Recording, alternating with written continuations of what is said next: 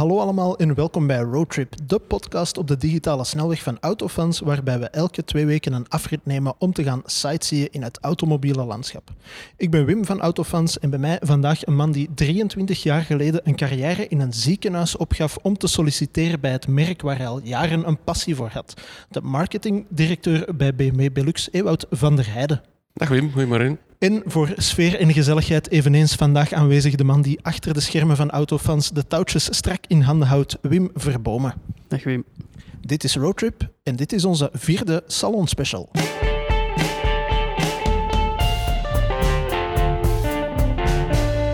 Roadtrip. Uh, Ewout, voor alle duidelijkheid, die carrière in het ziekenhuis, dat was geen carrière als topdokter of zo, mag ik hopen? Nee, nee absoluut niet. Ik lag in, in uh, lijn met mijn studies. Mm -hmm. uh, ik had handelsingenieur gestudeerd met optie financiën en ik was daar terecht gekomen op de financiële dienst. Op zich een, een prima ja. start van van een carrière. Ook een, een, leuke omgeving nog altijd. Ik kijk daar met heel veel plezier aan terug. Mm -hmm. Want uh, alle stereotypen rond uh, vriendelijkheid van, van verplegend personeel en mensen die in die sector werken, dat is dus echt zo. Allee, mensen zijn daar bovengemiddeld vriendelijk, empathisch, uh, leuk om mee samen te werken. Ja.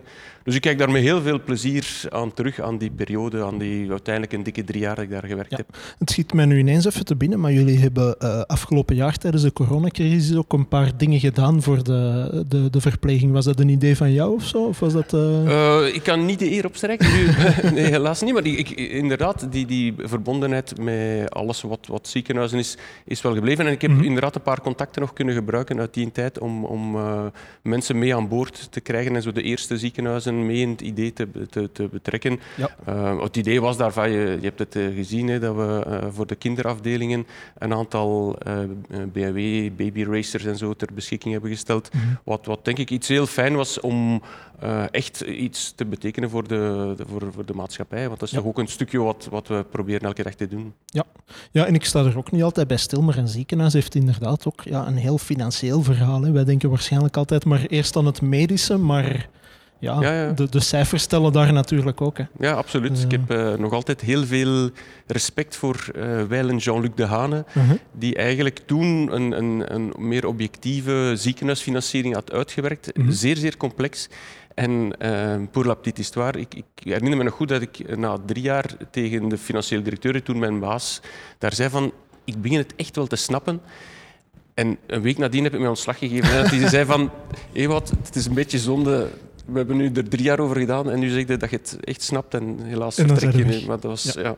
maar het was knap gedaan. Uh, alle respect voor Jean-Luc. Ja, wel, voilà. Maar ja, van, van waar die passie voor BMW? Want het, het verhaal klopt denk ik effectief. Wat ze mij hebben ingefluisterd, dat je hebt gezegd van ik ga solliciteren bij een merk waar ik al jaren... Ja van droom of een passie voor heb. Waar komt die passie vandaan? Goh, eigenlijk al als kind al. Uh, thuis hadden we een BMW, maar ik, ik, denk dat dat maar voor een stukje heeft meegespeeld. Ik mm -hmm.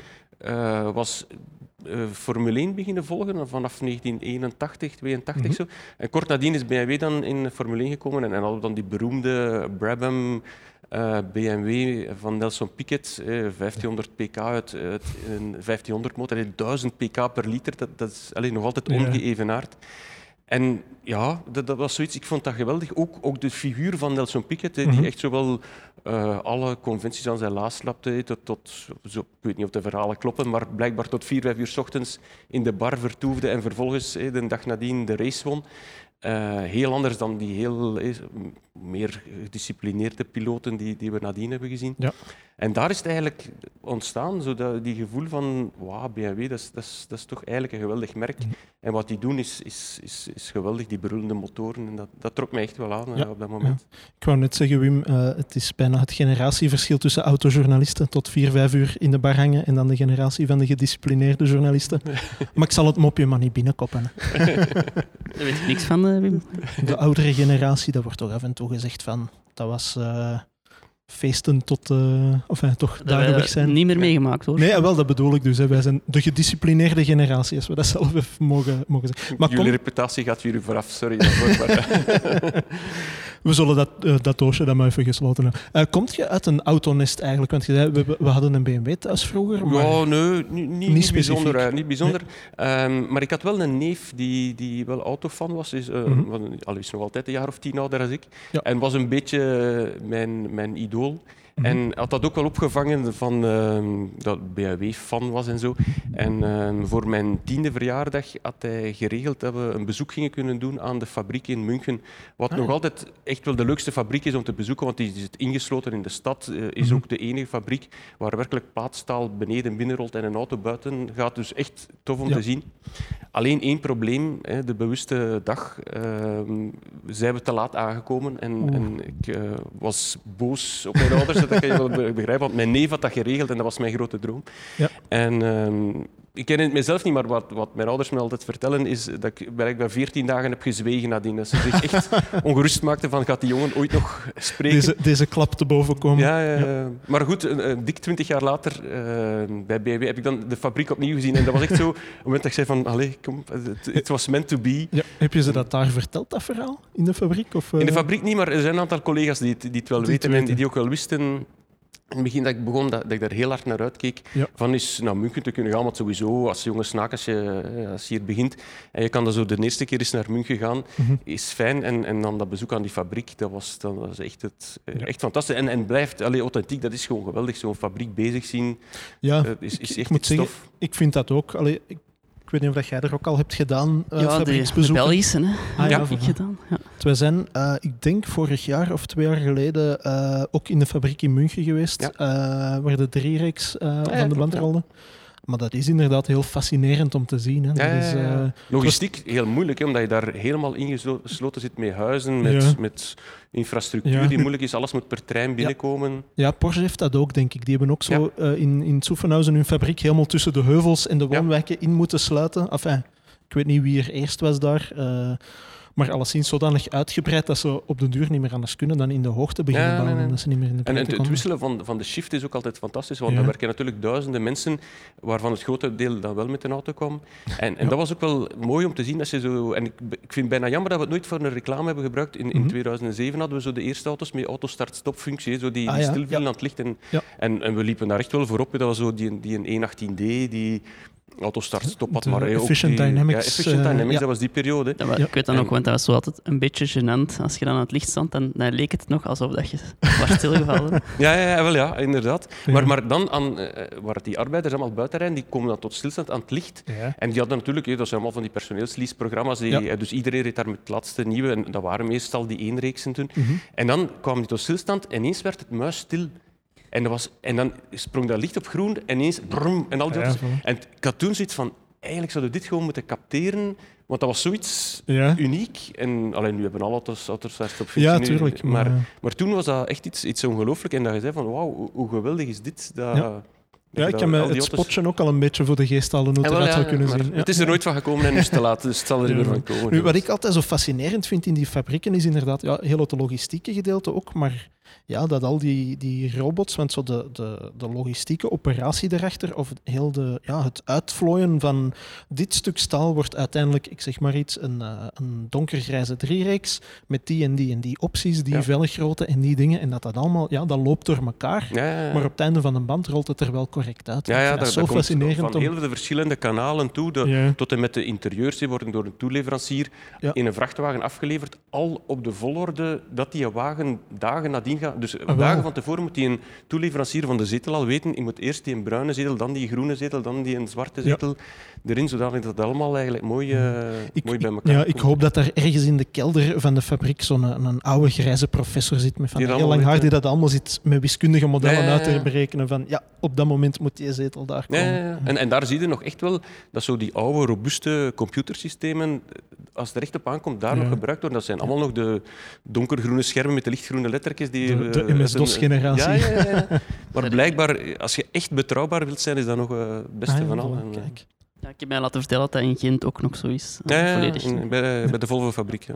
Ja, voilà. Heb je zelf eh, leuke dingen in de garage staan of ooit in de garage gehad? Als, eh, als... Eh, wel, eigenlijk niet, ik ben in die zin niet de klassieke petrolhead. De, We hebben een dikke tien jaar geleden gebouwd en Mhm. we hebben met de enige bedoeling van daar ooit iets leuks in te zetten een garage gezet, waar daar nu fietsen en brol en zo in staat. Mhm. Eh, dat is eigenlijk nooit van gekomen. En, en ik, ik vraag me soms zelf af, waarom niet? Ik denk dat dat stukje ermee te maken heeft dat de job allee, aanleiding geeft tot, tot heel veel allee, auto's kunnen, kunnen zien, kunnen testen van Ja. ons, maar, maar ook van de concurrenten. Mhm.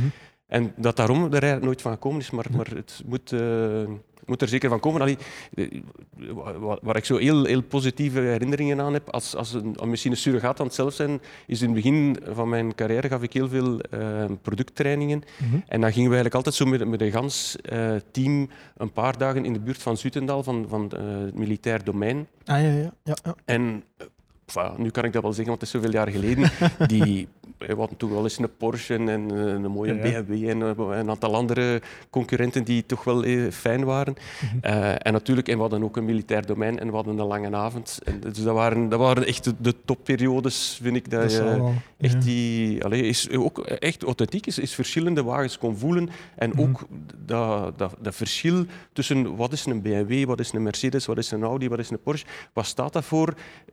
Goede zaken, minder goede zaken, dat, dat echt eens kon ervaren. En, en Mhm. Ik denk dat jullie als, als autojournalist dat, dat, dat genoegen vaak hebben van dat te gaan eh, voelen. Als je voor een bepaald merk werkt, vind ik ook wel belangrijk van dat ook af en toe te doen. Ja, Uit een tuurlijk. soort van respect, maar ook Mhm. om in alle objectiviteit daar te kunnen oordeel over vellen van wat zijn onze sterke punten, Ja. wat zijn iemand anders sterke punten.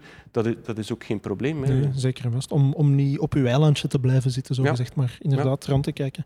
Ja, nu, ik ken... Ja, zeg maar, Wim. Welke modellen waren er eigenlijk toen dat je ja, zij begonnen met BMW? Aha, dat is een vraag die zo meteen Ah, ter sorry. sprake komt. Sorry. Dat, eh, daar heb ik de hele aflevering aan opgehangen, dus ik ga daar heel even eh, moeten ingrijpen. Nee, ehm, misschien moeten we, voordat we terug in de tijd gaan, effectief even kijken naar hoe afgelopen jaar voor jullie Ja. is geweest. Voor BMW in het algemeen misschien, maar ook specifiek voor ja, BMW Belux. Ja, wa- was een speciaal jaar natuurlijk. Ehm, Dat is zacht Niet enkel mijn terugkeer bij BMW. Ik heb de, de voorbije vijf jaar eh, voor Mini gewerkt en dan vanaf 1 januari 2020 terug, terug voor BMW. Mhm. Wat, wat plezierig terugkomst was, dat was al speciaal. En natuurlijk het coronajaar was ook speciaal. Ja. Ehm, maar als ik terugkijk, ik, ik ben eigenlijk wel heel blij. We, we zijn erin geslaagd om in een markt die toch significant teruggevallen is, met 22 procent, de, de terugval voor BMW te beperken tot minder dan een procent. En, en dat is wel heel fijn. We Ja. hebben echt wel serieus marktaandeel eh, gewonnen, on- ons, ons daar serieus Mhm. eh, versterkt. En, en ik, ik denk, allee, los van natuurlijk dat, dat BMW een stevige basis heeft, ehm, dat dat voor een stuk te maken heeft met, met ehm, het feit dat we ondanks de crisis zijn blijven doorgaan met communicatie, zijn blijven doorgaan met evenementen. Ja. O- onlangs ehm, waren de Nielsen-cijfers er, dat is zo de, De Nielsen-rating, ja, ik weet niet precies wat, Dat- maar de naam wat, zegt wat me ze eigenlijk doen is, is gewoon kijken wie adverteert er waar Ja. en welke en die, die plakken daar dan een waarde op. En Mhm. het, het zotte is, voor vorig jaar zijn wij van, eh, we hebben al jaren een share of voice van ongeveer 5% met BMW. Ja, dus 5% van de totale automobiel publiciteitswaarde Is is van BMW. En vorig jaar was dat 8%. Ah. Terwijl wij eigenlijk ongeveer hetzelfde geïnvesteerd hebben. En Mhm. dat heeft ermee te maken dat je enerzijds betere deals hebt kunnen doen. Hè. Mhm. Media waren een beetje op zoek naar, naar deals, dus er was, we kregen meer value for money. Ja. Eh, maar anderzijds eh, zijn we ook echt wel blijven investeren. En Mhm. ik, ik geloof daar nog altijd heel, heel sterk in dat het feit dat we zijn blijven adverteren ook heeft gemaakt dat we onze volumes ongeveer hebben kunnen, kunnen stabiliseren. Ja. En, en allee, ik, had, ik had er nu zo een beetje naar gekeken van, als je de heel simpele vergelijking maakt van hoeveel minder hebben bepaalde merken geïnvesteerd vorig jaar Mhm. en hoeveel minder auto's hebben ze in België verkocht, dan zit daar verrassende vergelijkingen Ik kan hier geen namen noemen, maar, maar een aantal massaconstructeurs hebben 30, 35, 40 procent minder eh, geïnvesteerd. Mhm. En verrassend genoeg, als je nu gaat kijken, zijn die ook met 30, 40 procent teruggevallen Ja. eh, qua, qua registratievolumes. En, en dus dat, dat idee van het is crisis en we stoppen met adverteren, Mhm. vond ik van het begin heel bizar. En, en dat is zo een, een, een bijna boerenlogica van dat je juist in die crisis gaat investeren Ik, ik om er snel uit zeggen. te komen. Ja, En- voilà, inderdaad. Ja, en, eh, ja. allee, ik denk dat dat... Allee, er zullen wel meer elementen gespeeld hebben, hè, maar Mhm. dat, dat toch een van de voornaamste elementen van ons succes vorig jaar is geweest. We hebben ook, alleen, daar hebben mensen ons echt zot voor verklaard, we zijn blijven evenementen doen. Allee, Mhm. we zijn partner van de Rode Duivels, we zijn partner van Tomorrowland. Eh, TK viel weg en Tomorrowland viel weg, dus Ja. dat was even een bomber. Mhm. Maar we hebben gezegd, oké, fijn, het is wat het is. Laat ons eens nadenken, wat kunnen we wel doen? En, en Mhm. dan hebben, ze hebben eigenlijk kleinschalige rij-evenementen beginnen doen, waar we mensen uitnodigen op locatie, kleine groepjes, 20, Mhm. 25 mensen in een Ja. keer, wat dat corona-gewijze manageable was. Mhm. Ehm, en dan hebben we gezegd van kijk, laat ons eens zo'n rij-evenement doen. We maken kleine treintjes van vier BMW's. Ja. En we nodigen die mensen uit voor een, eens te rijden, een, een, een kleine maaltijd in de momenten dat dat mogelijk was. Mhm. En zo'n dingen hebben, hebben eigenlijk magnifiek goed gewerkt. Ja. En heeft gemaakt dat we in, in gans vorig jaar. Ja, ik, ik heb niet. Allee, we hebben zeker niet minder gedaan. We hebben, allee, ik hoorde heel veel van technische werkloosheid op Mhm. marketingafdelingen. Bij ons is er in, in de marketingafdeling niemand ook maar één seconde technisch werkloos Ja. geweest. Omdat we zo zijn blijven gaan, blijven gaan. En, en Mhm. eerlijk gezegd, met z'n allen eerder meer dan minder gewerkt hebben. Ja. Omdat we natuurlijk, allee, we hadden alles mooi voorbereid voor een gans jaar te knallen qua Mhm. evenementen.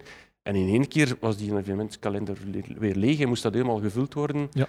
Maar het is, allee, we hebben het wel, wel gedaan en daar, daar ben ik echt wel heel fier op Ja. dat we dat zijn blijven doen. Ja. ja, nu, dit product wat we nu aan het maken zijn, die podcast, is voor ons eigenlijk ook een, een, een, een eh, resultaat van, eh, van de crisis, zogezegd. Hè? Een, een idee van, ja, we moeten iets anders doen dan hetgeen dat we gepland hadden. En, Maar, maar dat is het effectief. Die, die crisis heeft volgens mij enorm veel creativiteit naar boven gebracht.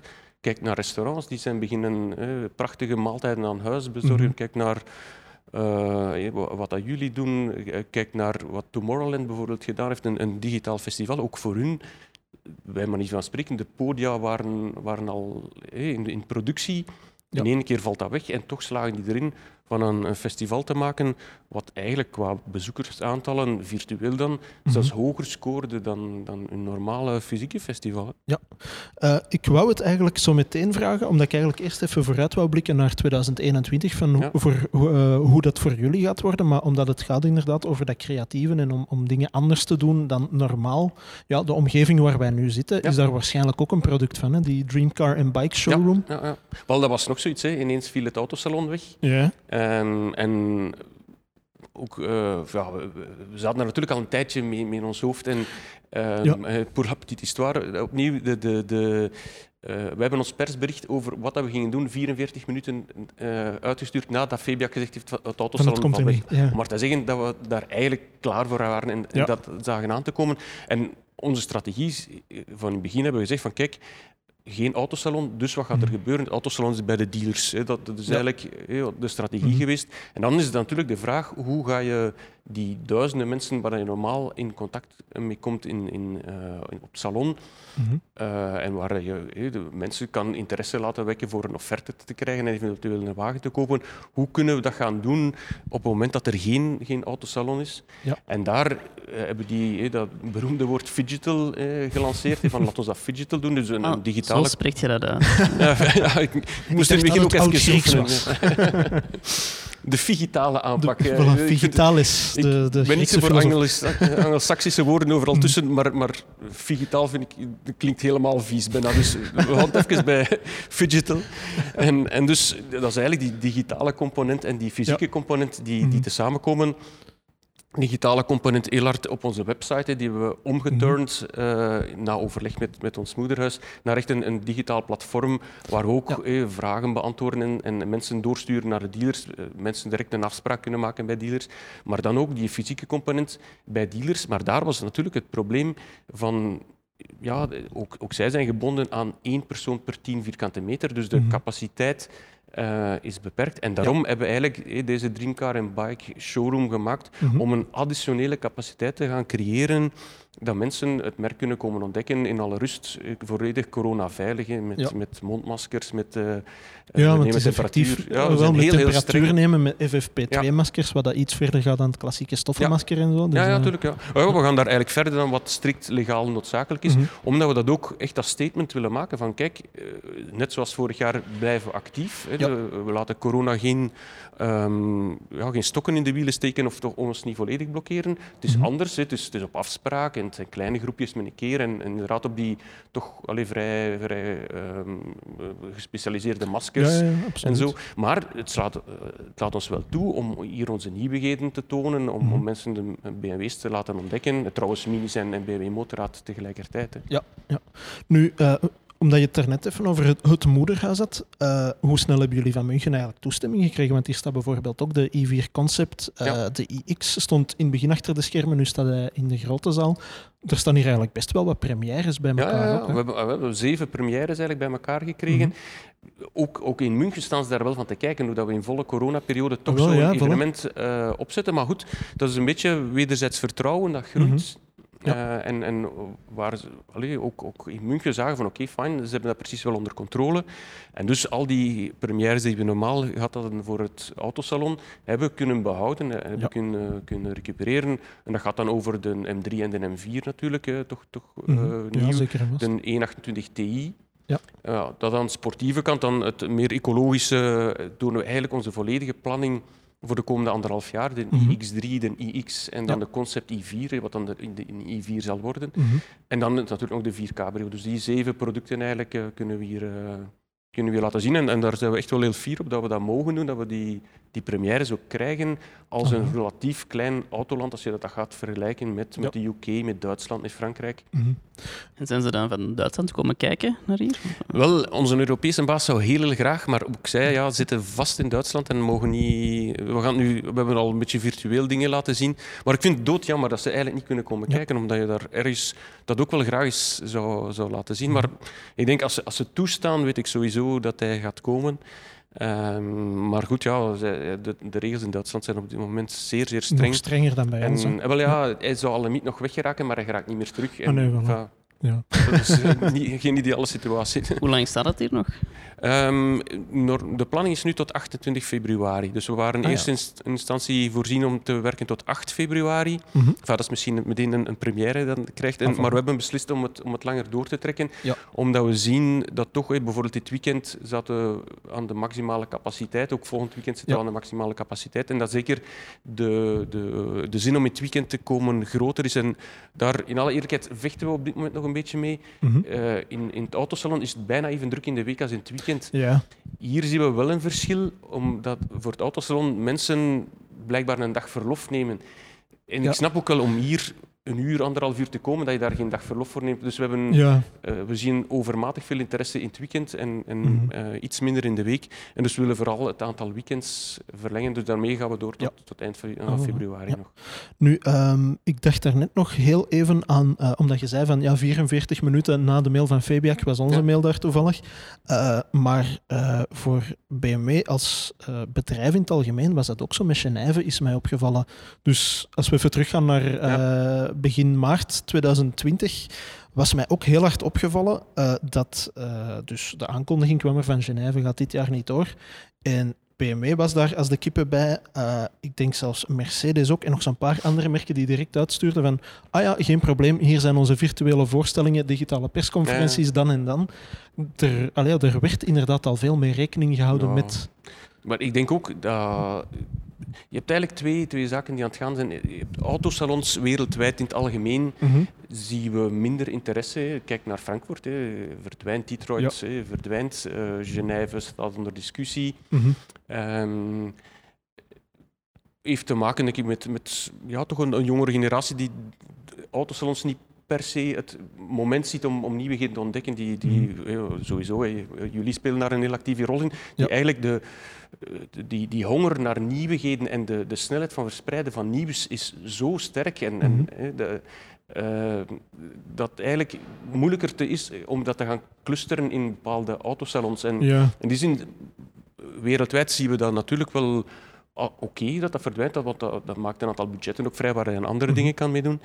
Anderzijds, Brussel is iets heel speciaal. Dat Wij wil ik halen nog inderdaad altijd net vragen. een kwart van onze verkoop wordt in en om het autosalon Ja. gerealiseerd. Als je dat puur privé gaat bekijken, is dat, nog, dat percentage nog veel hoger.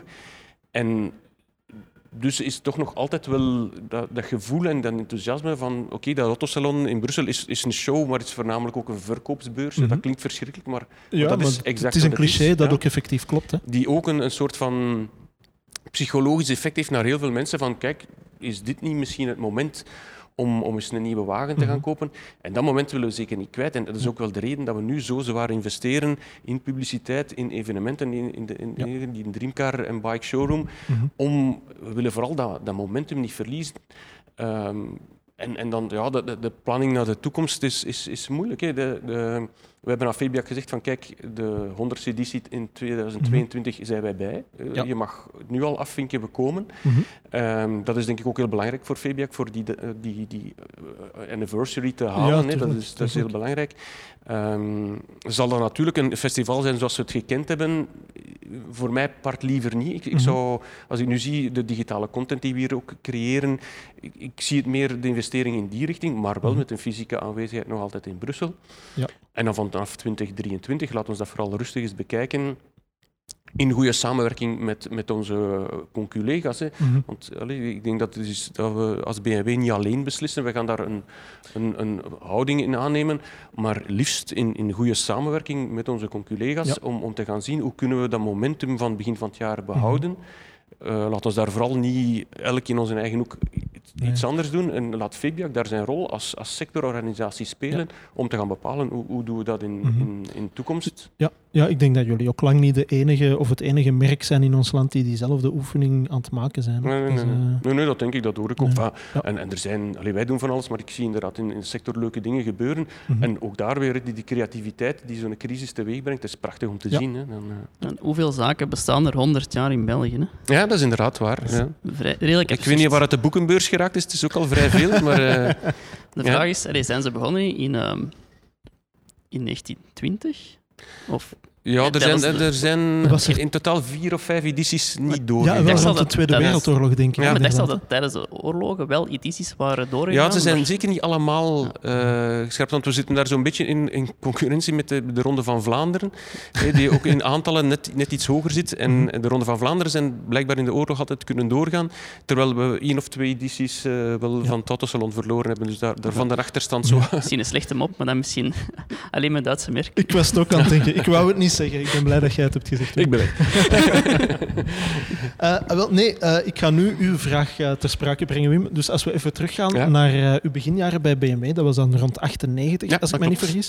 Dat was wel een heel ander BMW dan vandaag. Hè. Ik heb Ah, het ja, ja. even allemaal opgezocht, gewoon ter illustratie. Ehm, maar de E46-generatie van een 3-reeks was toen net voorgesteld. De X5 moest nog worden voorgesteld. Ja. De eerste 8-reeks was nog in productie. Bij, alleen naar mijn bescheiden mening de mooiste 8-reeks. Ja. Maar eh, ik vind dat een waanzinnig mooie auto. Eh, en ook de mooiste 7-reeks, net, die net voor de Bengal Ja. 7, eh, die was toen ook nog in productie. Wat is uw favoriet uit die periode? Uit die periode, eigenlijk, maar je hebt hem nu niet opgenoemd, is eigenlijk de, de Z3. Dat vond Ja, ik eigenlijk... Ja. In, in, in het aanvoelen van de tijdsgeest en wat, wat gaat werken. En Mhm. weten dat natuurlijk hier, als die auto op de markt komt, dat die beslissing zeven jaar eerder is genomen, dan moet ik wel zeggen, respectos. Dat de mensen die toen het roer in handen hadden en toen door hadden van kijk, dat is een auto waar je gaat mee scoren. Mhm. Plus alles wat daar rond is gedaan. Hè. Toen die, die integratie in de James Bond film, hè, waar dat was Ja. eerste keer een ander merk hè, dan, dan Dan het Aston iconische. Ja. Eh, in, in die film kwam dat geheel, ik, ik vond dat fantastisch. En trouwens, ik vind dat nog altijd een, een geweldige, een geweldige BMW-klassieker. Ja. Eh, Ik moet wel zeggen, die, die zien er vandaag ongelooflijk klein uit. Hè. Dat Ja. is echt letterlijk een schoen. Als je ja, dat ja, ziet ja, natuurlijk. Ik vind dat wel een goed voorbeeld van retro design. Dat, ja, dat Eh, wel werkt. ja. hè. dat wel werkt. En nog beter vind ik de Z8 natuurlijk. Mhm. Maar dat is ook, eh, Ja. wanneer Ja, wel, maar was kort nadien. Hè, dan, Ja. eh, Ja, het was Z- eerst de Z008, Z3. hè? Nee, nu- Z007. hè. Ja, ja, ja, ja, ja, wel, ja inderdaad. inderdaad. En, en dat was op het salon van 2000 hè, dat, dat, dat we dan de, de Z8 konden tonen. Ja. Eh, toen in het klooster, dat was de eerste keer dat we toen in het klooster deden. En dat was inderdaad zo echt wel iets ongelooflijk. Mhm. Die, die Dat Z8 waren geen goedkope auto's. hè. Nee, nee, nee, nee. En zoals altijd, en dat is de, de story of the life of BMW, die speciale dingen, heel veel moeite om die te verkopen als ze er zijn. Kijk naar de M1, kijk naar de Z1, kijk Mhm. naar de eh, Z8. Kijk in mindere mate naar de i8. Jacht, ja. Ehm, maar wel wagens die nadien echte classics worden. hè. Als je ziet wat een Z8 nu kost, wat een Ja. M1 nu kost. Mhm. En allee, als je dat nu ziet, hè, steekt er een iets grotere velg op en dat is een moderne auto. Hè. Nog altijd, ja. Ja. Maar kijk, de verlichting die daarop zat, dat was toen al met van die LED, ledjes die aan, aan de kant zaten en dan fiberglas om die pinkertjes te maken. Hè. Dus dat was eigenlijk, allee, dat zijn technologieën die, als, als je dat nu op een auto steekt, nog altijd iedereen zegt van wauw, dat is echt wel state of the art. Mhm. En dan spreekt er een auto die ruim 20 jaar geleden op de markt is Ja. gekomen. Hè. Ja, ik, eh, met, we hebben onlangs nog een Z8 van dichtbij gezien. eh, in onze, eerste, nee, onze laatste podcast van vorig jaar stond Ja. er een. Eh, en inderdaad, die achterlichten bijvoorbeeld ook. Ik zag vorige week hier de iX staan en ik dacht, ja, Ja. er is dan zoveel kritiek op gekomen, maar die smalle lichtblokken, de Z8 had Zaten die ook, daar al op. Ja, Inderdaad, ja. Nu, het goede nieuws voor uw garage is wel, de Z3 is nog altijd heel betaalbaar. Hè? ja, ja, ja, die heel veel mee. Aanbod. Ah, voilà. Ja, Verschillende Opgelost. versies. Ja. Nee, nee, maar eh, inderdaad. Ik heb een goede vriend die al, al heel lang eh, zijn Z3 bijhoudt. Oh, voilà. En eh, dat is inderdaad dat is een, een bijouke nog altijd. En Ja, qua de coupé is rijplezier. iets, iets duurder, denk ik. Hè. Die Ja. zijn eh, redelijk waarde, Ja. allee, relatief waardevast. En zeker Ja. die M-modellen. Ja, de M-modellen eh, toen... eh, helaas heel duur. ja, maar, eh, Zeker de versie met, eh, met een DSC dan erop, die nadien is gekomen met stabiliteitscontrole was. de laatste, de die zijn zeer populair, omdat die natuurlijk ja, iets gemakkelijker heel te houden zijn. Nu, het, het leek mij tof om eens te kijken hoe BMW doorheen de jaren is geëvolueerd. En we gaan niet over design beginnen, dus geen paniek. Dat gaan we eh, terzijde laten. Maar er zijn wel heel veel opvallende dingen gebeurd. Hè. Ik Ja. haalde er net even de X5 aan. Eh, nu, de Mercedes ML is net met de primeur gaan lopen van zo die eerste SUV die geen Range Rover was, Ja. maar wel zo wel luxueus maar die had wel een ladderchassis. Ah, voilà, kijk. Maar En- en dus- zeggen, Hebben wij toch wel de arrogantie om te zeggen dat wij eerst waren. wel, in- in het was van- sowieso een van de eerste SUV's. Ja, want, want dat was eigenlijk... eh, oké, zij waren voor ons, hè, daar, daar, laten we daar niet stom over doen. Maar qua rijgedrag was hij helemaal anders. Want dat was eigenlijk de traditionele terreinwagen, ladderchassis. Mhm. En, en dat was eigenlijk het, op, de openbaring aan, van de X5. Ineens hadden zo een auto, een SUV, van, wij noemen dat graag SAV, Sports. Activity Vehicle, eh, die, die werkelijk reed als een gewone auto. hè, waar, waar dat je door een bocht kon mee gaan op, Mhm. op een manier die op dat moment voor een vierwiel aangedreven allee, terreinwagen Mhm. ongezien was. Hè. Dat Ja. was eigenlijk toch wel... Ja, en ik moet ook zeggen, die zijn eh, de laatste jaren opnieuw heel mooi oud geworden. Je hebt heel veel van die eerste generatie SUV's. Je hebt onder Ja. meer de X5. De eerste Porsche Cayenne vind ik daar ook een mooi voorbeeld van. En af en toe krijg ik er een steen voor naar mijn kop, maar zelfs de eerste Volkswagen Touareg, Ja. die beginnen nu allemaal zo terug wat op hun plooi te vallen. Van, Ja. In het begin was dat heel dubieus af en toe en kwam er wel wat kritiek op, maar nu... Een Ja, ja. X5 is eigenlijk, allee, de eerste X5 is Ja. ook geen, geen grote auto meer naar hedendaagse normen. Hè? Ah, nee, nee, nee, nee, inderdaad. Dus, Ja, de, de, de laatste X3 Ja. zit ongeveer op hetzelfde formaat. Voilà, een beetje, eh, wat, wat, van ja, kijk, naar veel andere modellen, ook bij andere constructeurs, zie je in een, een, een Polo die, die zo groot is als een Golf van zoveel jaar geleden. Ja. Dus dat, dat is iets allee, wat, je, wat je ziet. Maar, maar, maar het is leuk dat je dat zegt, want, want je hebt enerzijds design, Mhm. is dat mooi of niet? Daar kunnen we over discussiëren en daar is, is niks objectief over te Mhm. zeggen. Maar vaak heeft design ook te maken met wanneer breng je het uit. Zo, Ja. en, en dat is eigenlijk het ganse aanvoelen. Welk design gaat op welk moment werken? En natuurlijk, Mhm. het is maar als je het goede design op het goede moment hebt, dat het, dat het werkt. Ja. Maar dat is verschrikkelijk moeilijk om, om Mhm. dat te gaan inschatten. Eh, allee, want, want bizar genoeg, het design is ongeveer het eerste van de auto wat daar vast ligt, om, omdat al de rest daar wordt op geënt. En dus ja. designs liggen soms drie, vier jaar van tevoren vast. Mhm. En om dat gevoel te hebben van, oké, welk design moeten we nu maken dat binnen drie, vier jaar goed gaat zijn en dan nog een keer zeven jaar actueel gaat blijven, Mhm. dat, is, dat is ontzettend, ontzettend moeilijk. En, Hè? en dan heb je de Fiat Multipla. hè. Ja, Ook Blijft heel een mooi oud klassieker. geworden. Hè? Voilà, inderdaad. Prachtig. Hij krijgt eindelijk de, de erkenning die hij verdient. ja, Nee, maar goed dat je het over design hebt, want het, het volgende dingen, dat komt dat wel op designvlak even ter sprake. Ik heb, het zo, ik heb een heel ruwe tijdlijn uitgetekend. Je mocht gerust aanvullen, mij corrigeren, dat is eh, allemaal zeer welkom. Maar ja, de X5 was dan late jaren 90 en dat was ook het, het Chris Bangle tijdperk, Ja. hè, waar destijds ook heel wat kritiek op is gekomen. Zeker die zevenreeks dat ik daar straks vernoemde, van wat brengen ze nu uit? Maar dat heeft bij het grote publiek even geduurd voor ze ja, precies ja, natuurlijk. ook... Bengal was natuurlijk de, het uithangbord en, en de figuur erachter. Nu, wat niet zoveel mensen weten, is dat uh, Bengal was toen de chief designer. Mhm. Natuurlijk, hij werkte samen met andere mensen. En de verantwoordelijke voor de E65, die, die beruchte Mhm. i- is Adrian, was toen Adrian eh, van Hooijdonk, Ah, wat nu, die nu altijd, de positie eh, van, van, van Bengal heeft. En, en in die zin, die visie, en, die zat daar toen al in Mhm.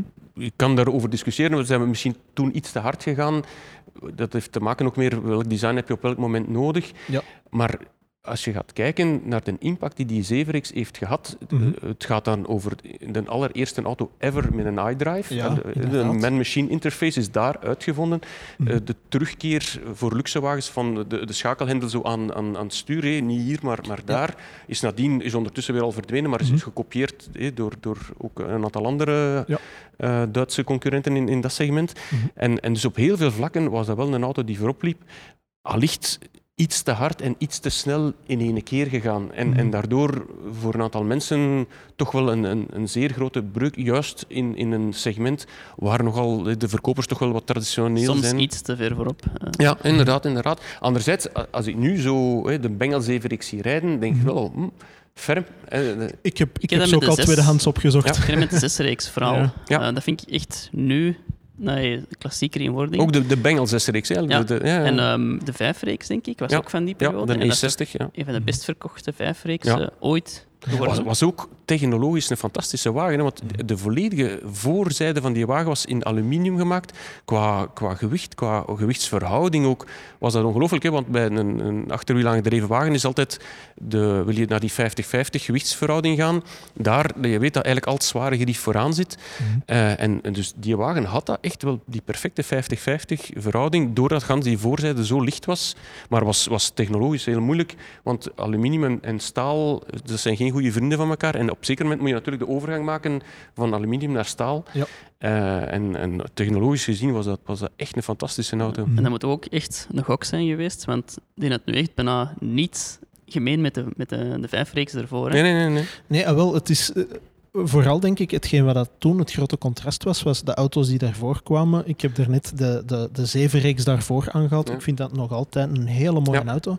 Maar dat waren heel klassieke auto's. Ja. Heel traditioneel, heel klassicistisch, als ik er een dure term op mag plakken. En het illustreert denk ik ook wel eh, hetgeen dat jullie vandaag ook een beetje voor hebben. Van, allee, ik kan mij inbeelden dat jullie enigszins ook blij zijn dat er zoveel over gepraat wordt. Want dat, Ja, wil, dat wil zeggen dat mensen er wel om geven en dat mensen ermee bezig zijn en het Ja. opmerken en zo. hè. Ja, ja, absoluut. En, maar als je daar graag eens over leest, er is een, een, een boek dat ik enorm kan aanbevelen. Mhm. Het heet Driven. Is geschreven door eh, een Amerikaanse journalist en is eigenlijk inside BMW en, en beschrijft heel veel Ah, van die zaken. Is, is natuurlijk, enfin, er komen af en toe nog eh, updates van, maar, maar eh, is een beetje verouderd. Maar vooral eh, die periode wordt, wordt heel intens beschreven over hoe eh, we hebben naar BMW is heel lang bestuurd geworden door Eberhard van Koenheim. Mhm. Iemand die echt BMW groot heeft gemaakt, een enorme visie, was, was bij alles enorm betrokken.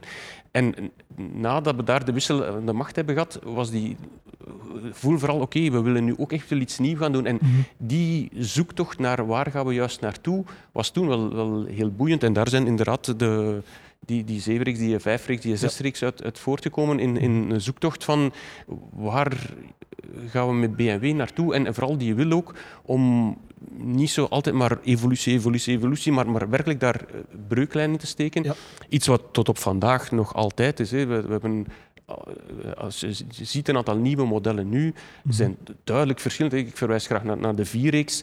Niemand gaat de, de nieuwe 4X met de vorige generatie 4X eh, Sowieso herkennen. Ja. Een aantal mensen hebben het er moeilijk mee. Mhm. om, om die zeiden van die vorige was toch geweldig. Waarom, waarom kun je niet gewoon die eh, koplampen een klein beetje anders Mhm. maken? Hup, en je hebt een prachtige nieuwe. Mhm. Maar nee, dat, dat, dat is juist, we willen iets maken nu. Wat dan binnen zeven jaar nog altijd actueel is. En wat dat binnen twintig jaar de mensen, als ze terugkeren, gaan zeggen van wauw, dat was toch echt gedurfd. Als we hier en over twintig jaar terugzitten, dat we ja, ja, inderdaad kunnen ja, zeggen als van we de deze een kleine Ja. afspraak kunnen Ja. maken. Right. Meteen ook een memo voor Techniek God Sven om eh, in de beschrijving van de YouTube-film eh, Driven Inside BMW toe te voegen. Eh, als we dan terug even naar die tijdlijn kijken, want we zitten dan zo weer eens Ja. rond de millenniumwissel, de overname van Rolls en de opkomst van Mini, dat is ook Ja. die periode. Hè? Ja, Dat, absoluut. is ook, allee, dat heeft een serieuze Ja. Beide staan een beetje los van elkaar eigenlijk. Ja. Ze waren in dezelfde periode. Ja, uh, ja het zijn inderdaad twee aparte verhalen. Het mini-verhaal is natuurlijk een, een, een, overblijfsel van de overname van de rovergroep. Mm -hmm. die, waar de integratie moeilijk is geweest. Dat zijn minder goede jaren geweest voor BMW.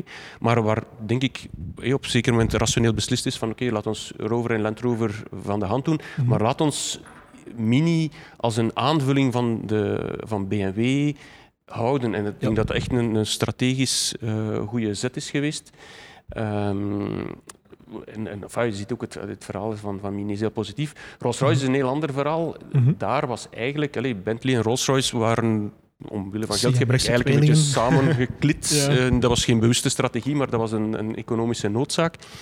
En beide waren eigenlijk overgekocht door de Volkswagen-groep. Mhm. Alleen had, toen hadden we uh, als uh, de grote baas, uh, had daar de genialiteit van rustig te blijven en van te mhm. wachten, goed wetende dat de merknaam Rolls-Royce eigendom was van BMW.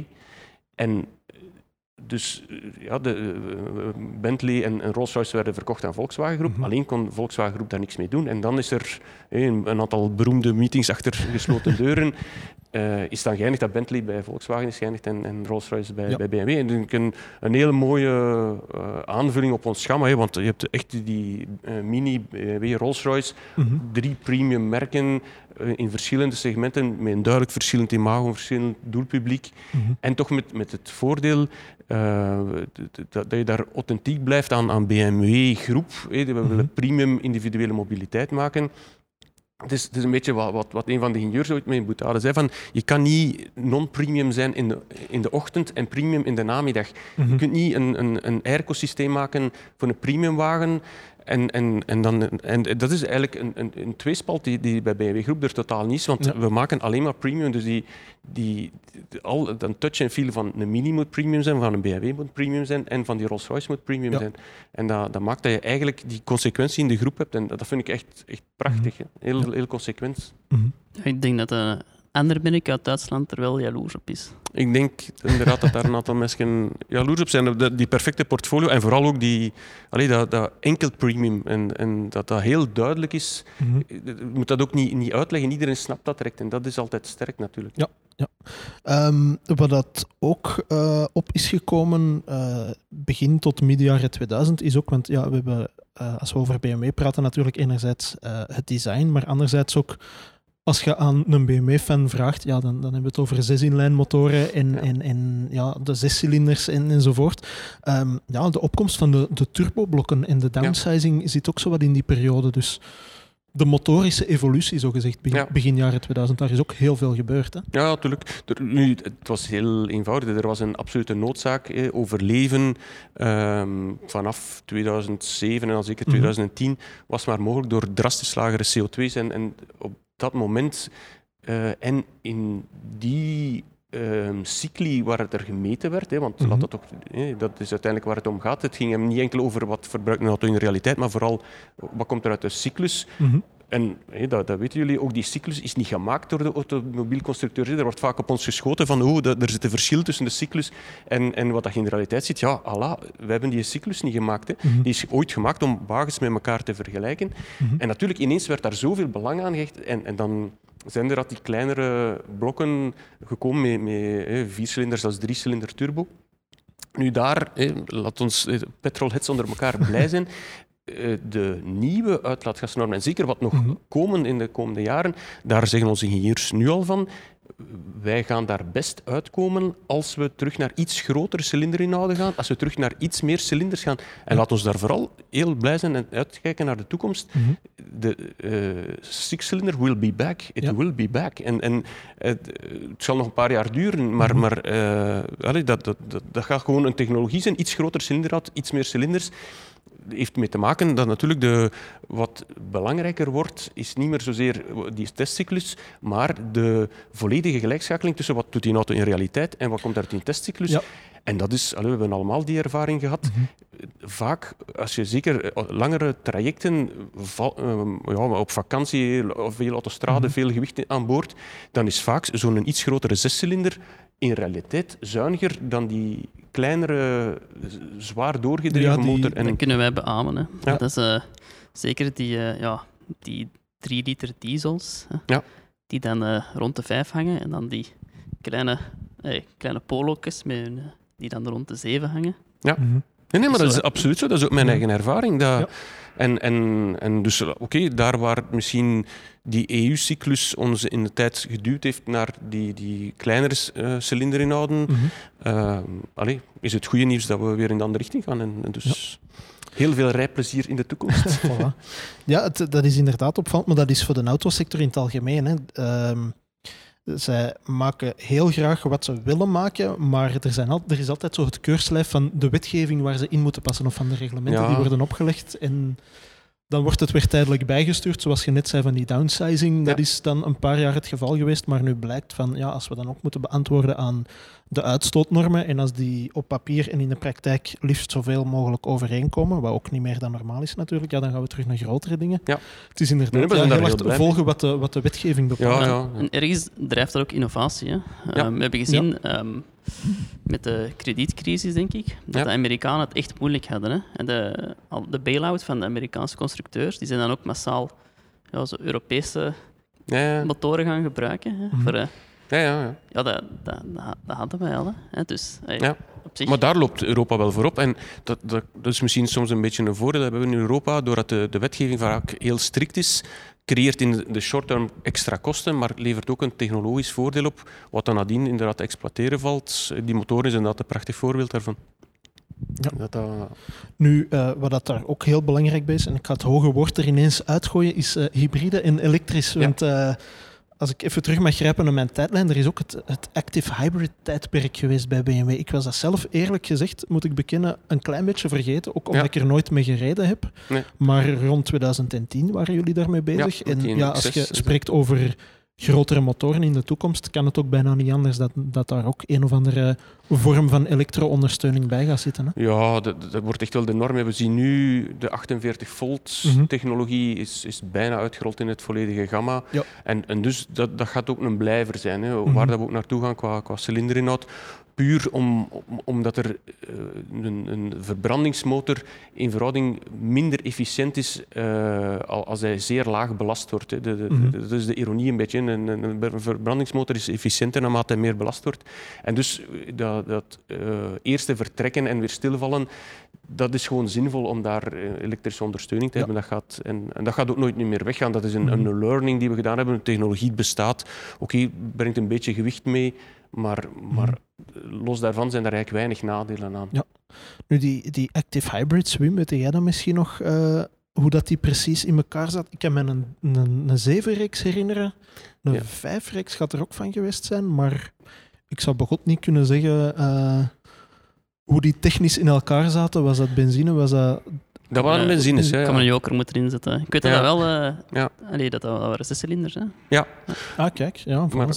Ja, ja. Maar natuurlijk, enfin, dat waren niet herlaadbare. Nee, dus, eh, wel. dat, dat gaf een klein beetje ondersteuning. Ja. En qua verkoopsaantallen is dat nooit heel groot Mhm. geweest natuurlijk. Maar, maar het, ja, het, is, het is altijd een, een, een evolutie in, ehm, ja, in technologie. En, maar, maar daar herinner ik me nog heel goed. Ik zat toen nog in productmanagement, dat daar de discussies waren van oké, we winnen daar iets mee. Mhm. Maar als we werkelijk willen weer een, een stap voorwaarts, dan moeten we naar plug-in hybride. Dat, dat- Ja. Maar toen, want het heeft toen nog jaren geduurd om de technologie echt op punt te krijgen, Mhm. dat toen werd gezegd van oké, eh, je kan daar 5 of 10 procent mee winnen. Maar eerlijk gezegd gaat, is dat geen sustainable model Mhm. eh, waar je echt iets gaat mee doen. En daar, daar zien we nu de laatste jaren echt wel de vruchten van. Is als je die, die CO2 kan gedeeld door drie doen, dan Mhm. then you're talking. Ja. Maar daarvoor, dat ging nooit met die gewone hybride technologie gelukt zijn. Mhm. Daarvoor hadden die plug-in hybride technologie nodig, die enfin, nu zeer, zeer populair is. Hè. Ja, sowieso. Nu, eh, ja, er is niet alleen plug-in hybride. Enfin, de auto is voor een deel ook plug-in hybride geweest, maar ook volledig elektrisch. Maar in 2013 hadden jullie al een elektrische auto, hè? de Ja, i3. de en i3. je hebt zelf ook een paar jaar voor de i-afdeling van BMW Ja. gewerkt.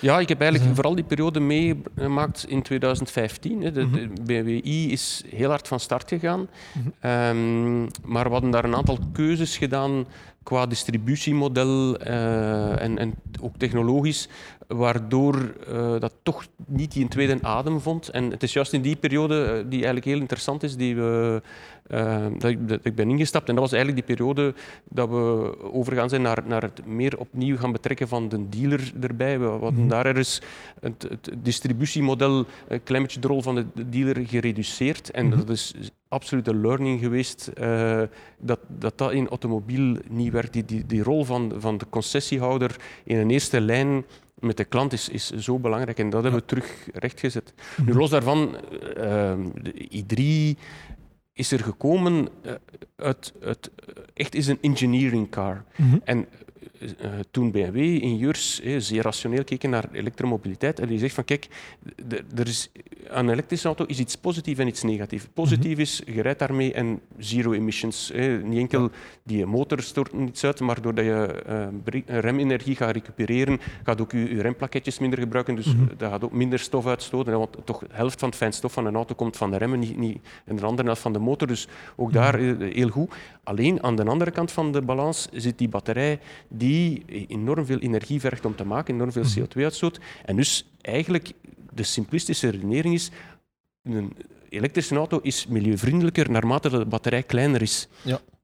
Dan zijn ze beginnen nadenken, hoe kunnen die batterij klein houden door het gewicht laag te houden. Daarvan mhm. is dat, die volledige carbon uh, uh, passagierscel gekomen, die aluminium dingen. Dus die, mm -hmm. die, allee, de i3 woog nauwelijks meer dan een vergelijkbare auto, niet elektrisch, terwijl dat normaal toch 3, 4, 500 kilogram meer is. Dus mhm. engineering-wise is dat de meest geniale auto.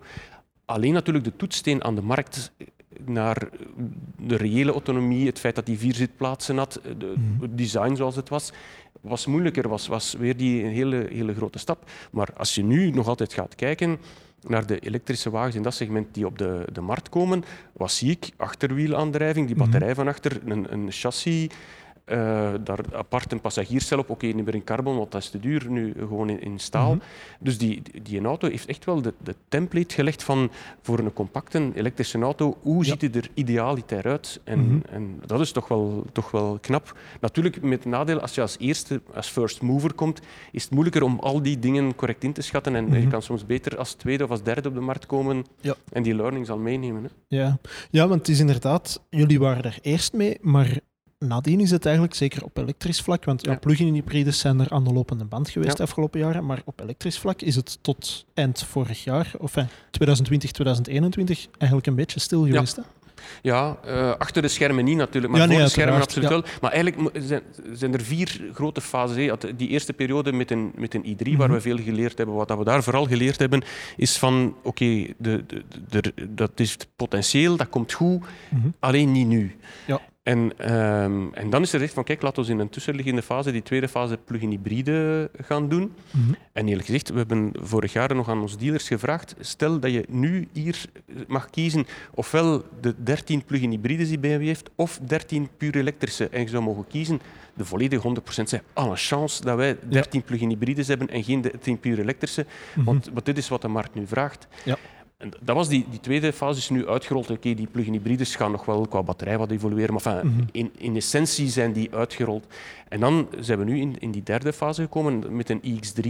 Mhm. En die heet intern dan de power of choice, hè, de, de, waar we gaan zeggen van, van kijk, de, onze volgende fase is een heel onzekere fase waar we eigenlijk niet weten hoe snel gaat die een omslag naar elektrisch komen. Mhm. Dus laat ons vooral geen dedicated platformen gaan maken voor elektrisch, maar laat ons al onze platformen zo intelligent in elkaar steken dat je daar bij manier van spreken, het is nooit zo simpel natuurlijk, maar bij manier van spreken kunt zeggen, ah, doe nog maar een keer drie benzines, twee diesels, een elektrische, ah, toch nog een plug-in hybride. Ja, en als dat morgen is 80% elektrisch, fijn, dat gaat ook. Mhm. En daar is de X3 nu de eerste van. Mm maar je ziet X3, benzine, diesel, plug-in hybride en elektrisch. De volgende is dan de 4X Grand Coupé. We tonen mhm. hier de i4, maar is eigenlijk de, de voorafloper van de 4X Grand Coupé. Waar je ook de, de en, en, dan komt de 7X en zo verder. Veel meer mag ik daar nog niet over zeggen. Maar op, binnen dit en drie, vier, vijf jaar gaat bijna elk BMW-model in benzine, diesel, plug-in hybride en, uh, en puur elektrisch. plug-in hybride niet voor de meest uh, sportieve, puur in packaging is dat gewoon heel moeilijk om daar een plug-in hybride, plug hybride van te maken. Maar uh, dat is ons, ons uh, plan voor de komende vijf, zes jaar. Mm -hmm. en dan gaan we naar die vierde fase. En dan is zo'n beetje, inshallah, gaan we daar, gaat de elektrische markt dan zo'n explosie nemen dat het dan wel zinvol wordt om een volledige range aan dedicated elektrische mm -hmm. wagens te gaan bouwen of niet. Ja. En, maar dat is natuurlijk een beslissing die nu stilaan in de hoogste regionen zal moeten genomen worden. En, en die een zeer moeilijke beslissing is. Want gaan we dan nog eens voor de, de, de volgende zeven jaar voor die power of choice gaan? Of gaan we dan toch voor dedicated platformen? Maar voor zover ik weet is daar geen beslissing over Nee. genomen op dit moment. Ja, het is natuurlijk ook voor een deel ja, de, de markt afwachten en de, ja, Ja. de, de infrastructuur en de wetgevingen afwachten. En, en ja. Ook, ook zien wat dat er waarschijnlijk op zakelijk vlak gebeur- gebeurt. Want ik neem aan dat een groot deel van jullie eh, klanten, zakelijke klanten ook zijn. Hè? Nog altijd, Dus, ja, we, spreken daar rond de 60 procent. Dus, ja. Dus dat is, eh, dat is een heel belangrijke markt. Eh, maar natuurlijk een markt die bij uitstek heel volatiel is in de zin van ehm, kleine wijzigingen in de wetgeving kunnen daar gigantische eh, volumewijzigingen. Mhm. Kijk nu naar de, de beslissing van onze regering om, om vanaf 2026 enkel nog elektrische wagens, eh, puur elektrische wagens, Ja, dus geen plug-in Ja. hybrides, eh, fiscaal aftrekbaar te maken. En voor Mhm. niet, gelukkig niet voor de lopende contracten, enkel voor de nieuwe contracten maakt dat we weten, nu is elektrische wagens, in, nu niet zozeer voor BMW alleen, maar in de volledige sector eh, 1, 2, 3 procent, dat we tussen nu en 2026, dat is toch maar vijf jaar, dat we van 2, 3 procent naar 100 procent gaan gaan. Ja. Om, om maar aan te tonen, dat is zelfs korter dan de ontwikkelingscyclus van een wagen. Mhm. En, en dat is zeer eigen aan de automobiel natuurlijk, dat je daar permanent in een keurslijf gedongen wordt en in, in heel radicale veranderingen in wat je eigenlijk in je gamma zou moeten hebben Mhm. Door de, door de wetgever. En, en eh, met plug-in hybride hebben we denk ik heel veel chance gehad. hè. We hadden de meeste plug-in hybrides juist op het moment nu dat dat, dat, Dat de eigenlijk het beste compromis is. Laten we dat hè, toch niet stom over doen. Zeker, zeker in de zakelijke markt is dat Ja. the one you want to have. Eh, en, en natuurlijk, maar we gaan wel moeten klaar zijn tegen 2026. Nu, dat, dat zal ook zo zijn. Hè. We, gaan, Mhm. we hebben het gecommuniceerd, 25 elektris- geëlektrificeerde wagens zal hebben in 2023, Mhm. waarvan de helft elektrisch. Eh, en dan hebben we nog drie jaar voor aan te vullen. Dus allee, tegen dat ooit 2026 is, gaan we een dermate breed gamma aan elektrische wagens Ja. hebben, dat, dat, dat, allee, dat we daar ook... Die Oh, 25 is dan eh, plugins opgeteld met Ja, ja, plug-in hybride en elektrisch samen. Ja, ja, ja, geëlektrificeerd. Ja. Hoor, horen eh, milde hybrides daarbij? Ik Nee, vermoed nee, het niet. Nee, omdat Nu- dat, dat wordt het nieuwe normaal, zo gezegd. een Ja, een milde Dus, eh, hybride in, in de zin van de 48 volt technologie, Ja, dat, voilà. dat- nee, dat, dat rekenen we daar eigenlijk niet, Ja, bij. er zijn is- merken die dat er soms wel bij rekenen, soms ja, ja. niet. Dus, ja, er eh, zijn merken die uit van, van we gaan volledig voor geëlektrificeerd. Wat dat dan betekent, Ja, dat, dat is een uitgebreid start-stop systeem hebben. Ja.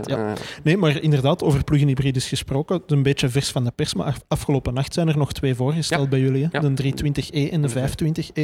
Ja, En ik neem aan dat dat ook modellen zijn die echt specifiek voor de, voor de zakelijke Ja, voor de markt, zakelijke eh, markt is dat ideaal, want je ja. zat daar eh, eh, fiscaal natuurlijk, eh, zowel 330e, 530e zeer aantrekkelijk, Mhm. maar natuurlijk qua catalogusprijs op het niveau van, van een 30 niveau. Ja. En dus nu brengen we dat terug naar een 20 niveau. En, maar- en dat vond ik toch wel heel belangrijk, met dezelfde batterijcapaciteit. Dus de elektrische autonomie tussen een eh, 320e en een 330e, tussen een 520e en een eh 530e, hetzelfde. is, is identiek dezelfde. Ja. Dat vond ik wel heel belangrijk. vermogen is dan gereduceerd. Ja, het is eigenlijk inderdaad eh, de benzinemotor die een iets lager, net zoals je het tussen een 20 en een 30 hebt, eh, een iets lager Mhm. vermogen. En hoe kijken jullie naar eh, waterstof bijvoorbeeld? Want dat is altijd zoiets van, ja, we spreken altijd over Ja. elektrisch en over plug-in hybrides en over eh, battery electric vehicles. Eh, maar jullie hebben vorig jaar daar ook nog een, een soort ehm, Ja. denkoefening over gelanceerd, de e-Hydrogen Next. Maar, is Maar- meer, meer dan een denkoefening. hè. Ja, Eh, komt- ik noem het nu misschien een beetje authentiek snel op de markt. invoerbaar. Nee, nee, Ja. enfin, de, maar met de nieuwe generatie X5 Mhm, eh, gaat er ook een, sowieso een, een hydrogen variant bij zijn. mhm. Ehm, natuurlijk, ja, de- een beetje kip en ei. Ja, want daar lopen vooral de meningen nog heel sterk over uiteen. Ja. Over of dat, dat nu voor, voor passagiersauto een toekomst heeft, of dat dat voor zwaarder Ja. vervoer zal zijn, of dat dat nu al of niet een, een toekomst heeft. Dat is Ja. zo... Je, je hebt er echt wel echt believers hè, in de... Ja, maar dat is, dat is nog veel sterker dan... Want je hebt de, de, de EV-believers en de EV-non-believers die zeggen van ja, dat is een bubbel en dat gaat instorten en Ja. dat gaat niks worden. Maar ik denk dat we daar ondertussen ook al niet meer onderuit kunnen van Nee, nee, nee, nee. dat gaat het worden.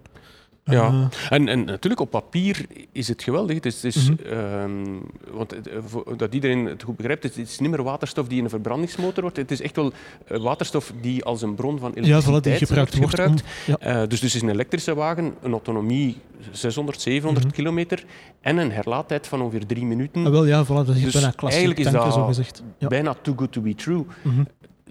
Dus zijn we het tenminste intellectueel verplicht om het te bekijken. Mhm. Natuurlijk gaat er een infrastructuur zijn waar vloeibare waterstof gemakkelijk beschikbaar gaat zijn en, en op welke tijdshorizon. Mhm. Technologisch is, is het zeker mogelijk. Ja. Ehm, er is nog één klein nadeeltje aan. Eh, er is een zekere hoeveelheid energie nodig om de waterstof De efficiëntie is inderdaad een, ja, een dus dat, en, en ook als, als de wagen stilstaat, Mhm. verbruikt hij energie om de waterstof onder druk te houden, om hem in vloeibare, anders zou je Ja. in gasvorm krijgen. Om Mhm. hem in vloeibare vorm te houden heb je een vrij hoge druk nodig.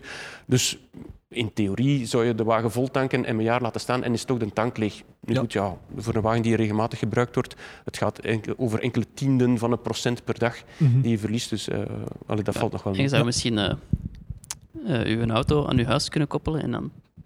Daarmee je zonnepanelen en daarmee waterstof maken. hè. Ja, ja of uw, auto, uw auto gebruiken als krachtbron voor u. Ja, ja, huis. ja. Nu goed, in theorie in een, in een smart grid is dat ook wel een beetje het idee hè, dat je. eh, want het ganse probleem is als heel veel mensen gaan rijden met een elektrische wagen, die komen allemaal ergens tussen 5 en 7 of tussen 5 en 8 thuis, steken die aan de stekker op het moment dat iedereen ook aan het koken Ja, is ja, en dus het volledige net valt stil. Dat je daar in een situatie zou komen dat die wagen dat je gewoon zegt van kijk, ik wil morgenochtend om 7 uur een volgeladen batterij. Maar dat die batterij in eerste instantie een beetje... Allee, dat, dat Mhm. je eigenlijk je huis gaat voeden met de batterij, met dan nog de rest van je batterij van de auto. Mhm. En dan, een keer dat iedereen gedaan heeft met koken, tegen 11, 12 uur, dat al die elektrische auto's kunnen geladen worden met de, met de elektriciteit Ja. die er is. In theorie, allee, daar moeten we gewoon naartoe, anders gaat het niet Mhm. gaan. Digitale meters moeten daarvoor versneld uitgerold worden.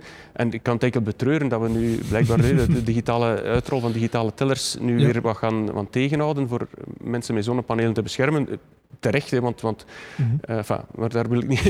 maar Dat is een de- de- ander, dat is een ja, ander, dat is een eh, ander, ander verhaal. Maar, maar, maar het is wel jammer, want we hebben die digitale tellers gewoon nodig om, Mhm. ehm, ja, om tot die smart grid te komen. Hè. Zolang dat niet ieder een digitale teller heeft, werkt het ook niet. Ja, als ik het een, een, een beetje, misschien iets te kort door de bocht mag samenvatten, maar jullie houden een beetje alle opties open, zogezegd. Ja. Is, eh, zowel hybride als nog klassieke, allee, klassiekere verbrandingsmotoren, als we ze dan milde hybrides mogen noemen, maar ook waterstof en nog Ja. een paar andere Het enige waar we definitief besloten hebben om niet te kijken is Mhm. eh, compressed natural gas, dus aardgas. Ja.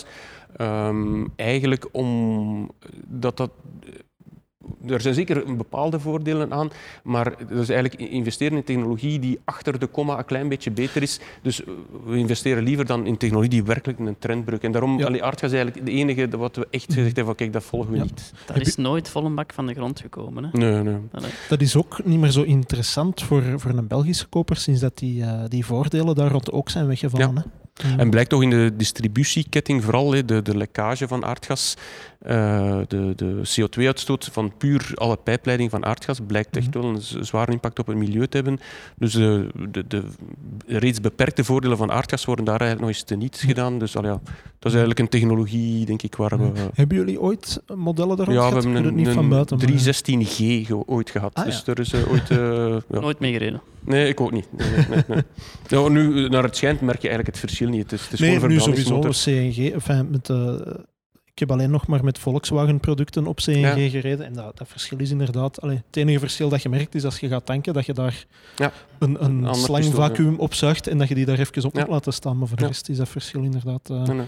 Ehm, nu, misschien als slotvraag. We hebben het eh, in een andere podcast eergisteren gehad over hoe we in de toekomst auto's gaan kopen. Hoe zien jullie dat?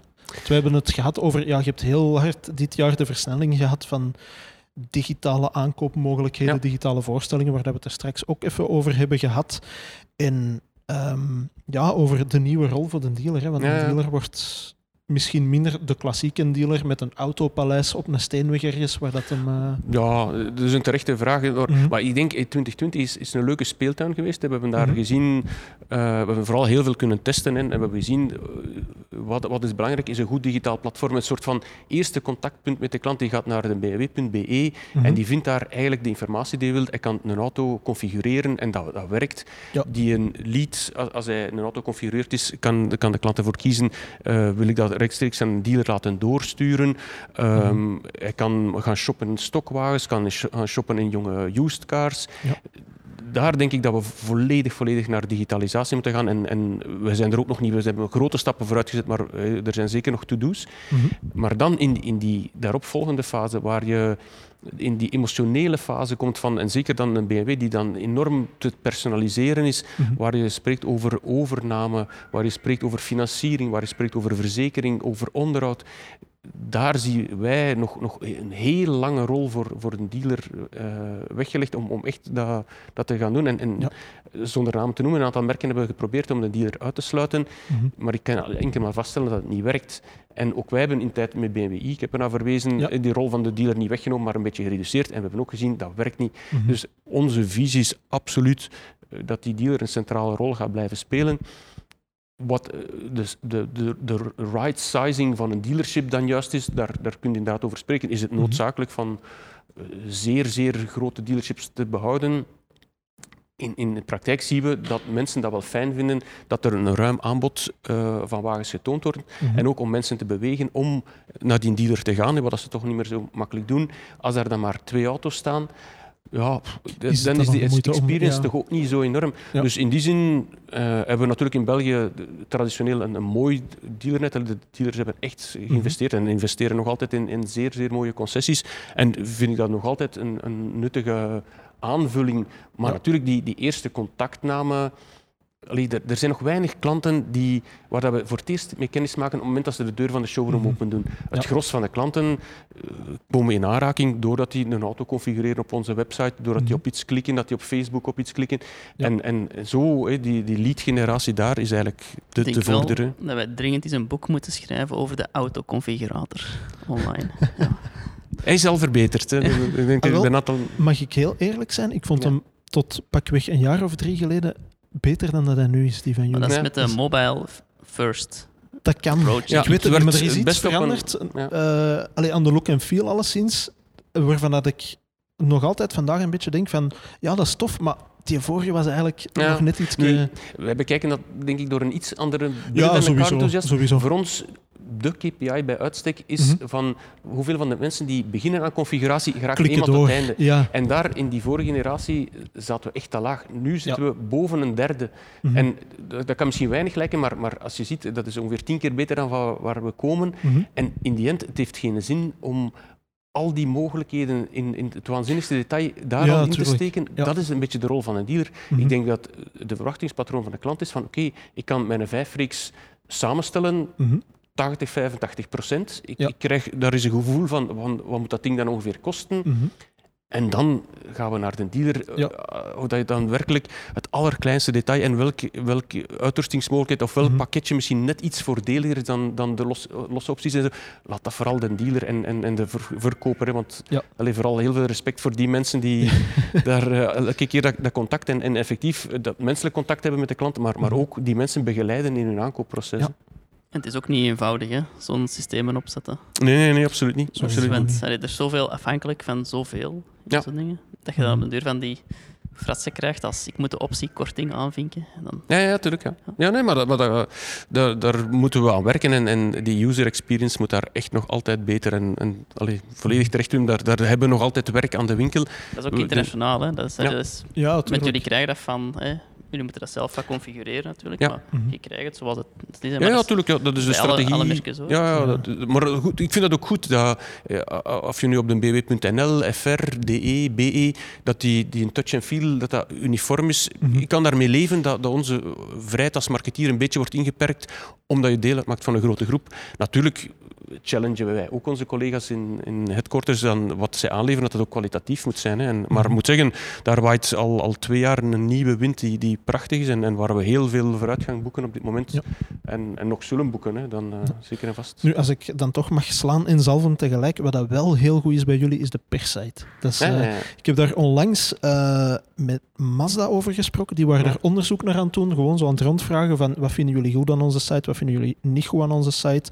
Eh, wat vinden jullie bij andere merken dat ze wel en niet goed doen. En gewoon de manier of, of de snelheid waarmee dat je dingen kunt terugvinden op jullie perssite is echt... Ik zal het tegen hier heel zeggen. goed. eh, Wel, zal er- wel. zal het Ja, dat is ook internationaal Ja, natuurlijk. ja, Dat is ja. de moet ook tegen en mij de- zeggen hoor. Wat zei? Dat moet ook tegen mij zeggen. Ah, wel, voilà. Ah, ja, dat is waar. Ehm, maar gewoon, ja, als je foto's zoekt, als je vooral specificaties, want daar Ja. struikelen heel veel automerken over. Eh, ik zeg maar iets, omdat jullie ook, ja, jullie hebben waanzinnig veel motorversies en Ja. updates en weet ik wat nog allemaal. En die zijn gelukkig wel relatief snel terug te vinden. Nee, En- Ik denk dat we ook al twee keer eh nieuwe modellen hebben gevonden op de BMW-site die nog niet uit waren. Ooit. Ja. En bw.be? Of, eh, ja. ja, dat is al even geleden. Ja, ja. We proberen er altijd eh, heel secuur in te zijn, want dat is natuurlijk eh, de bedoeling dat iedereen zich daaraan de afgesproken Dat timings gebeurt, houdt. dat gebeurt. Hè. Zo, Ja. zo lekken dingen uit. Hè. Dat, Ja, ja. dat Ja, iemand iets te snel op een knopje heeft Ja. gedrukt van Ja, ja. lanceren die ja. Allee, dat, zo gaat Dat is natuurlijk ook in, in een digitale tijdperk. Die fouten zullen vroeger ook gebeurd zijn. Alleen had dat niet zo'n impact nu als er is in, weet ik veel, eh, in Tsjechië de, een auto te snel op de website komt, is dat morgen ook in België bekend. En Ja, dat is is natuurlijk de, de, eh, De ja, de waarin we uitdaging van onze tijd, dat alles nieuws gaat zo snel. Ehm, ja, dat dat ongetwijfeld gebeurt. Hè. En zeker als er een klein foutje gemaakt wordt, wordt dat direct gemultipliceerd. Ja. Absoluut. Ja. Nu, ik denk dat we er inderdaad eens een boek over moeten schrijven over de configurator en de perssite, maar misschien ook vooral eens een podcast eh, aan moeten wijden. eh, Alsjeblieft niet. Hè. verder dit jaar. Misschien een redactiepodcast of zo. Gewoon een uur nerden over eh, car configurators enzovoort. Nu, alleszins, eh Ewout, er is nog een heel hoofdstuk mini aan uw verhaal, maar Ja. dat gaan we overmorgen opnemen met uw collega's. Ja. Want ja, in onze vijfde salon special overmorgen gaan we het hebben over eh, mini, over wat zij afgelopen jaar gedaan hebben, wat zij in het verleden hebben gedaan en wat ze nog allemaal gaan doen.